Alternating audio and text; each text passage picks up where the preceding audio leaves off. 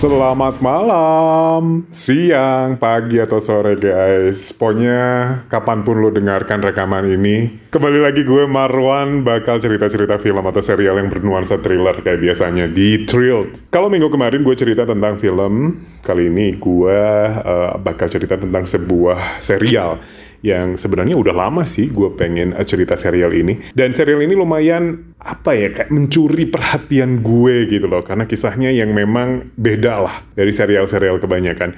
Even temanya sama aja sih kayak film kebanyakan superhero. Tapi superhero-nya beda loh guys.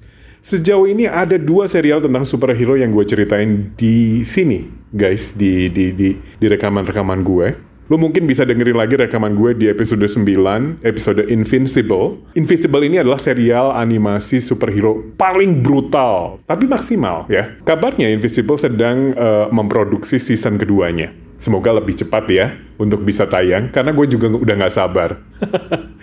Invisible ini diangkat dari komik superhero yang judulnya sama guys. Nah, sebentar lagi yang bakal gue ceritain ini pun juga diangkat dari komik karya siapa sih ini? Uh, Garth Ennis dan Derek Robertson. Judul serialnya adalah The Boys. Baik Invisible maupun The Boys lu bisa tonton di Amazon Prime Video. Ya sekarang pun masih ada, tenang aja. Jadi kayak ini memang uh, serial jagoan Amazon Prime deh, karena memang keren sih. Baik Invincible maupun The Boys, ini mengangkat cerita tentang sisi gelap dari superhero. Kalau lu sering nongkrongin Disney Plus, pasti lu seringnya lihat superhero dengan segala kebaikan mereka ya. Manis, terus kemudian juga menolong, gampang menolong gitu kan yang di Disney Plus. Sementara dalam The Boys, lu bakal menemukan bahwa superhero ternyata nggak sebaik itu kok. Malahan mereka bisa uh, semena-mena menggunakan kekuatan mereka terhadap manusia biasa. Nah, pencitraan yang memang diset sedemikian rupa sehingga orang-orang akan percaya bahwa superhero memang bener-bener pahlawan. Jadi itu settingan guys. Nah sebelum lo menonton, gue ingetin bahwa The Boys serial untuk dewasa ya guys ya. Jadi kalau lu belum berusia 18 tahun, kayaknya lu mesti menahan dulu buat menonton serial ini. Karena The Boys ini penuh dengan adegan kekerasan, nudity, adegan seks yang lumayan eksplisit, dan dialog-dialog dewasa. Kayaknya memang eh, pihak Amazon Prime ini pengen serial ini tetap sama eksplisitnya dengan komiknya yang sempat jadi kontroversi pada awal perilisannya di awal 2000-an. Kalau lu masih susah move on dari superhero Marvel, aduh, lebih baik lupakan The Boys. Skip aja rekaman gue ini ya daripada lu sakit hati melihat para superhero dengan kelakuan super duper nyebelin dan membagongkan. Saat ini The Boys udah punya dua seasons ya guys ya, dan sebentar lagi akan dirilis season ketiga sekitar bulan Juni guys. Kalau gua nggak salah baca ya, lu bisa cek lagi karena uh, apa beritanya berseliweran di mana-mana. Saran gue, lu nonton serial ini jangan langsung lompat ke season kedua ya guys ya, karena serial ini punya keterkaitan setiap seasonnya. Jadi lu runtut aja, season 1 selesai baru season 2. Nanti season 2 selesai baru season 3 ya. Serial The Boys ini dirilis pertama kali pada 2019. Season keduanya dirilis setahun sesudahnya yaitu 2020 dan season ketiganya sedikit mengalami kemunduran karena pandemi tentunya dan baru akan rilis pada Juni tahun ini. The Boys ini ditangani ditangani oleh sutradara-sutradara yang andal dalam uh, menggarap serial di Hollywood kayak Philip Zgrixia, gue gak tau susah banget bacanya. Zgrixia, Stefan Schwartz, Frederick Toye, dan banyak lagi. Kalau pada season pertama, para sutradara bisa menggarap lebih dari dua episode, maka ada sedikit perubahan pada season kedua ini guys. Tiap sutradaranya cuma menyelesaikan satu episode saja. Tapi tenang, serial ini tetap terjaga kok kualitasnya. Even berganti-ganti sutradara, justru formula ini kayaknya memang kerasa tepat deh. Karena gue ngerasa setiap episode terasa punya kesan yang beda, tapi tetap seger dan terarah guys. Jadi punya jiwanya masing-masing. Oh ini jiwanya yang ditonjolkan apa nih gitu. Jadi memang sutradara itu berperan di masing-masing episode ya. The Boys ini dimainkan dengan sangat baik oleh aktor-aktor yang pas dengan karakternya masing-masing. Dari jajaran anti-hero ada Carl Urban, Jack White, Laz Alonso, dan Tomer Capone. Terus pada jajaran superhero ada Anthony Starr, Erin Moriarty, Dominic McElligott, Jesse T. Usher, Chase Crawford, dan banyak lagi. Jajaran aktor-aktor itu cuma aktor inti ya yang hampir muncul pada setiap seasons. Karena pada season kedua ini akan menampilkan karakter-karakter baru guys yang gak kalah menariknya dan bisa dipastikan karakter-karakter baru juga akan ada juga ada yang baru lagi di season uh, ketiga nanti. Tapi yang sangat mencuri perhatian adalah acting Carl Urban atau karakter Carl Urban yang pendendam, berandalan, dan pantang menyerah. Kemudian juga dari uh, sisi superhero ada Anthony Starr yang kalem, gila kuasa, misterius, tapi kejam gitu ya. Uh, di balik sosok yang dimainkan oleh Anthony Starr itu ada sosok yang kayaknya serem deh orang ini gitu ya. Dan mereka seperti mencari waktu buat berduel guys. ya mungkin nanti di season terakhir mungkin mereka akan berduel nggak tahu juga ya karena mereka kayak menyimpan dendam masing-masing The Boys ini adalah sekelompok pria yang pernah tersakiti oleh kelompok superhero The Seven. The Boys ini terdiri, uh, terdiri dari Billy Butcher, Yugi Campbell, Mother's Milk, dan Frenchie. Mereka berkomplot untuk menghancurkan The Seven. The Seven ini adalah kelompok superhero ya guys ya. Sayangnya ada sedikit kendala yaitu Hugi ternyata berhubungan dengan salah satu anggota The Seven, yaitu superhero wanita Starlight. Jadinya ya Hugi kadang setengah-setengah gitu guys dalam melawan The Seven yang kadang bikin Bill kesel deh dengan kegalauan Hugi ini.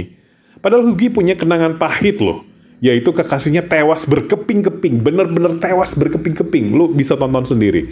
Jadi tewas berkeping-keping di depan matanya oleh salah satu anggota The Seven juga, yaitu A-Train. Jadi sebenarnya Yugi hanya punya dendam pada A-Train sebenarnya. Sementara Billy ini mendendam pada pimpinan The Seven yaitu Homelander karena superhero paling kuat itu sudah membunuh istrinya. Even Billy cuma dendam pada Homelander, tapi dendam kesumatnya menjadi-jadi hingga ingin menghancurkan The Seven dan perusahaan yang menaungi kelompok superhero itu. Semakin dalam The Boys masuk, ternyata mereka menemukan begitu korupnya The Seven. The Seven ini terlihat baik dan menampilkan sikap kepahlawanan di depan publik. Padahal sebenarnya mereka adalah penjahat. Literally penjahat berdarah dingin guys. Bayangkan superhero tapi penjahat. Semakin dalam The Boys masuk ke dalam dunia The Seven, mereka jadi mengetahui bahwa The Seven adalah kelompok superhero gila kekuasaan, sombong, pembunuh, gila seks, homoseksual, kerap melecehkan perempuan, dan kelakuan-kelakuan negatif lainnya. Terus, bagaimana strategi The Boys melawan The Seven? Lu mesti menontonnya sendiri. Ya nggak seru dong, masa gue ceritain semuanya sih? Udah dua season loh guys. Lu tinggal tonton aja, panjang kalau gue ceritain semuanya, oke? Okay? Pertama kali gue uh, melihat The Boys, gue kayak melihat parodi Justice League. Superhero dalam The Seven mengingatkan gue pada Superman. Dalam serial ini diwakili oleh Homelander, kemudian Wonder Woman diwakili oleh Queen Myth, ya. Ada Wonder Woman, uh, mirip-mirip Wonder Woman lah. Queen Myth, sama-sama cantik, sama-sama kuat. Tapi tetap lebih kuat Homelander ya. Kemudian The Flash diwakili oleh A Train, dan Aquaman diwakili oleh The Deep. Ini bener-bener mirip semuanya guys ada Aquaman diwakili oleh The Deep, A-Train yang The Flash ya. Even parody, tapi The Boys ini dibuat sangat serius. Dengan kualitas yang gak kalah lah dari superhero DC ataupun Marvel. Kabarnya sih kalau lu baca komiknya di situ juga ada banyak uh, superhero kayak X-Men juga gitu. Cuma nggak nggak nggak tahu nih apakah nanti di episode selanjutnya semoga sih memang ada ya akan ada superhero superhero lain yang memang uh, melengkapi The Seven. Gue juga nggak tahu ya. Semoga kalau ini memang season ketiga nanti kalau si uh, bagus lagi kayaknya bakal diperpanjang terus. Semoga. Karena jujur seru banget serial ini. Nah dengan premis cerita yang nyeleneh kayak gini, sebenarnya DC pernah juga sih bikin Watchmen di tahun 2009 guys. Sebuah film tentang superhero yang berbeda dari kebanyakan superhero sesudahnya ya. Superhero yang dengan segala kelemahan dan kisah-kisah kelam mereka yang jarang diketahui oleh orang banyak. DC memang uh, sering ya uh, menampilkan sisi lain dari, dari para superhero-nya. Berbeda dengan Marvel yang kalau lu perhatikan ini mempunyai kisah yang lurus-lurus aja guys. Positif-positif aja. Hal-hal dasar seperti keburukan dari seorang superhero jarang sekali terekam dalam film-filmnya. Ya ada sih, ada-ada lah. Cuma dikit banget ya. Kalaupun menampilkan sisi kelam superhero, masih dalam batas wajar yang santun dan nggak mengganggu penontonnya yang rata-rata adalah teenager dan juga uh, anak-anak ya. Ya mungkin uh, Disney Plus juga atau Marvel nggak pengen lah penontonnya kabur ya. Karena rata-rata hampir tidak berdarah loh ya di Marvel itu. Ketika pertarungan gitu guys. Beda lah dengan DC atau mungkin bahkan jauh sekali berbeda dengan uh, apa namanya The Boys ini. Anyway, uh, The Boys uh, bukanlah film keluaran DC or Marvel ya guys ya. Serial ini seperti ingin mengatakan bahwa dunia dengan konsep superhero ini nggak akan bisa menyelesaikan masalah karena even lu punya kekuatan super, tetap aja lu adalah manusia yang nggak sempurna dong. Ketika lu punya kekuatan super kayak uh, misalnya bisa terbang gitu ya, terus dari mata lu keluar api misalnya, tenaga lu sangat kuat, bahkan lu bisa mengangkat tank baja dengan satu tangan aja, atau kekuatan-kekuatan super lainnya, ini bisa dipastikan dalam diri lu ini pasti akan muncul rasa di atas segalanya, pongah, gue hebat gitu ya. Rasa bahwa lu adalah ras paling unggul gitu ya. Yang nggak bisa disejajarkan dengan manusia-manusia biasa. Lu akan ngerasa sedikit sombong kali ya, pongah gitu guys. Emang nggak kentara sih, lu pasti nggak bakalan menunjukkan itu, karena lu pasti bakal melakukan pencitraan demi reputasi lu dong. Ya, ini ini superhero. Uh, misalnya ini aja yang yang ya sehari-hari lah gitu ya, lu lu perhatikan. Taruhlah lu belajar bela diri seperti karate atau taekwondo, lu udah pegang sabuk hitam, Beberapa mungkin akan menutupinya dan bijak ya dalam bertindak ya. Yang gue perhatikan sih teman-teman gue yang punya sabuk hitam ya fine-fine aja mereka nggak macam-macam kok. Tapi ada juga, ada juga bayangkan kalau sabuk hitam dipegang sama orang yang salah guys. Mungkin dia akan sedikit sombong dan gampang saja melakukan kekerasan. Marah dikit tendang, tersinggung dikit pukul, terus saja kayak gitu ya. Nah dalam The Boys ini, The Seven ini adalah contoh superhero yang disematkan kepada orang yang salah, guys. Mereka akan sangat gampang menyakiti, membunuh, dan bahkan merusak kalau menemukan sesuatu yang gak sesuai dengan keinginan mereka. Bayangkan, superhero kayak gitu ya.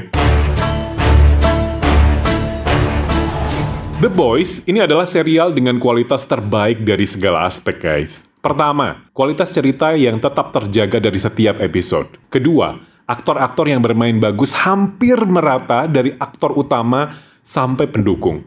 Ketiga, sutradara-sutradara yang mampu menangani serial dengan sangat baik. Terlihat sekali bahwa serial ini memang dipersiapkan dengan matang. Jadi event sutradaranya berganti-ganti di setiap episode, tapi tetap serial ini terarah dan tuntas. Keempat, jumlah episode yang sedikit. Setiap season cuma 8 episode aja guys. Dan ketika The Boys dilepas, semua episode sudah tersedia, jadi lu bisa menontonnya sekaligus. Dan kelima, special effect yang gak terbuang percuma gitu aja. Kayaknya memang Amazon Prime ini menggelontorkan biaya untuk serial ini nggak main-main guys. Sangat terlihat dari teknologi yang digunakan dalam serial ini terlihat nggak abal-abal. Bener-bener standar Hollywood yang selevel dengan Disney Plus atau HBO. Kayak efek terbang Homelander yang terlihat real gitu ya. Even nggak diperlihatkan detail kayak Superman, tapi penonton bisa nebak kok di The Boys ini bahwa yang terbang adalah Homelander. Ih, nggak, nggak, nggak, nggak, nggak, nggak, nggak, nggak. Please, jangan bandingkan dengan sinetron laga nasional ya, karena bikin sakit hati guys. Aduh, nggak. Ini bukan perbandingan, oke? Okay? Atau balik lagi ya, atau saat A-Train ini berlari pun hampir sebanding dengan The Flash. Selain special effect para superhero-nya, special effect saat memperlihatkan adegan berdarah-darah, ledakan, luka-luka, dan lain-lain ini benar-benar kayak asli guys. Karena serial ini setia dengan komiknya. Maka penggambaran-penggambaran kesadisan uh, semacam yang gue sebutin tadi ini adalah menu utama serial ini guys. lu hampir akan melihat kesadisan pada setiap episode. Ya, even begitu lu nggak belenger kok. Tetap estetik, tetap menyenangkan, tetap itu adalah hiburan buat mata lo. Pendeknya, dari semua yang gue jelasin barusan, buat lu yang suka dengan serial action, thriller, drama, dan fantasy sekaligus, The Boys ini adalah serial yang bisa memenuhi keinginan lu semua. Habis menonton The Boys, gue ngerasa serial-serial Disney Plus adalah serial-serial untuk balita dan anak-anak, guys. Please, jangan hujat gue. Ini masalah selera ya guys ya. Masalah selera aja. Gue ngerasa belum ada lagi serial yang sekomplit The Boys. Serial ini tuh bener-bener menegangkan gitu ya. Di semua seasons. Gue suka serial Dark, Westworld, atau mungkin yang dari Netflix satu lagi tuh apa Stranger Things gitu ya. Tapi kedua serial ketiga ya, ketiga serial yang uh, gue sebutin tadi itu bukan pembanding guys, beda Ketiganya, ketiga serial tadi itu lebih mengandalkan ketajaman berpikir lu dengan kerumitan cerita pada setiap episodenya.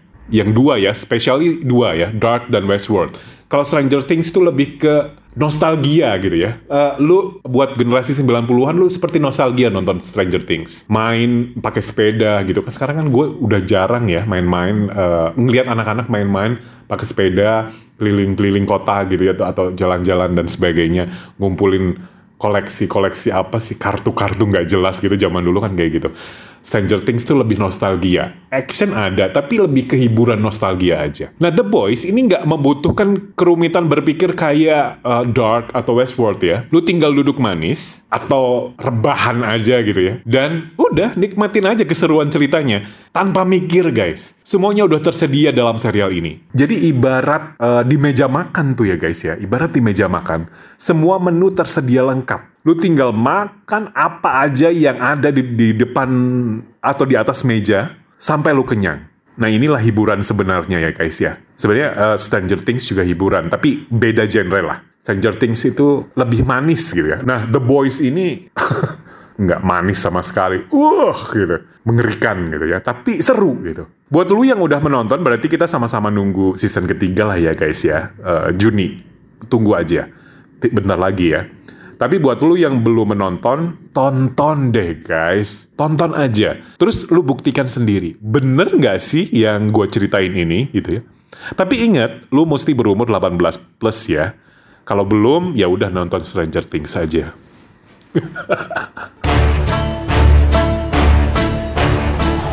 Karena The Boys ini adalah serial yang komplit dan digarap dengan sangat baik, gue dengan senang hati akan ngasih 4,8 bintang dari 5 bintang guys. Serius. Kekurangan dalam film ini cuma karena serial ini khusus untuk dewasa aja. Coba aja kalau para teenager bisa nonton juga gitu ya. Gue bakal kasih 5 bintang deh. Jadi nanti se setara dengan Stranger Things lah. Jadi generasi-generasi di bawah gue gitu ya bisa nonton juga ya penonton Stranger Things lah ya. Ya, gue kasih 5 lah. Berarti kan ada banyak uh, umur yang bisa menonton ya. Even nggak nggak semua umur ya.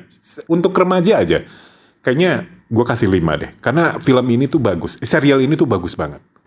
Oke okay guys, gitu dulu thrill episode kali ini. Minggu depan gue akan cerita dengan tema yang berbeda lagi. Thanks sudah mendengarkan guys.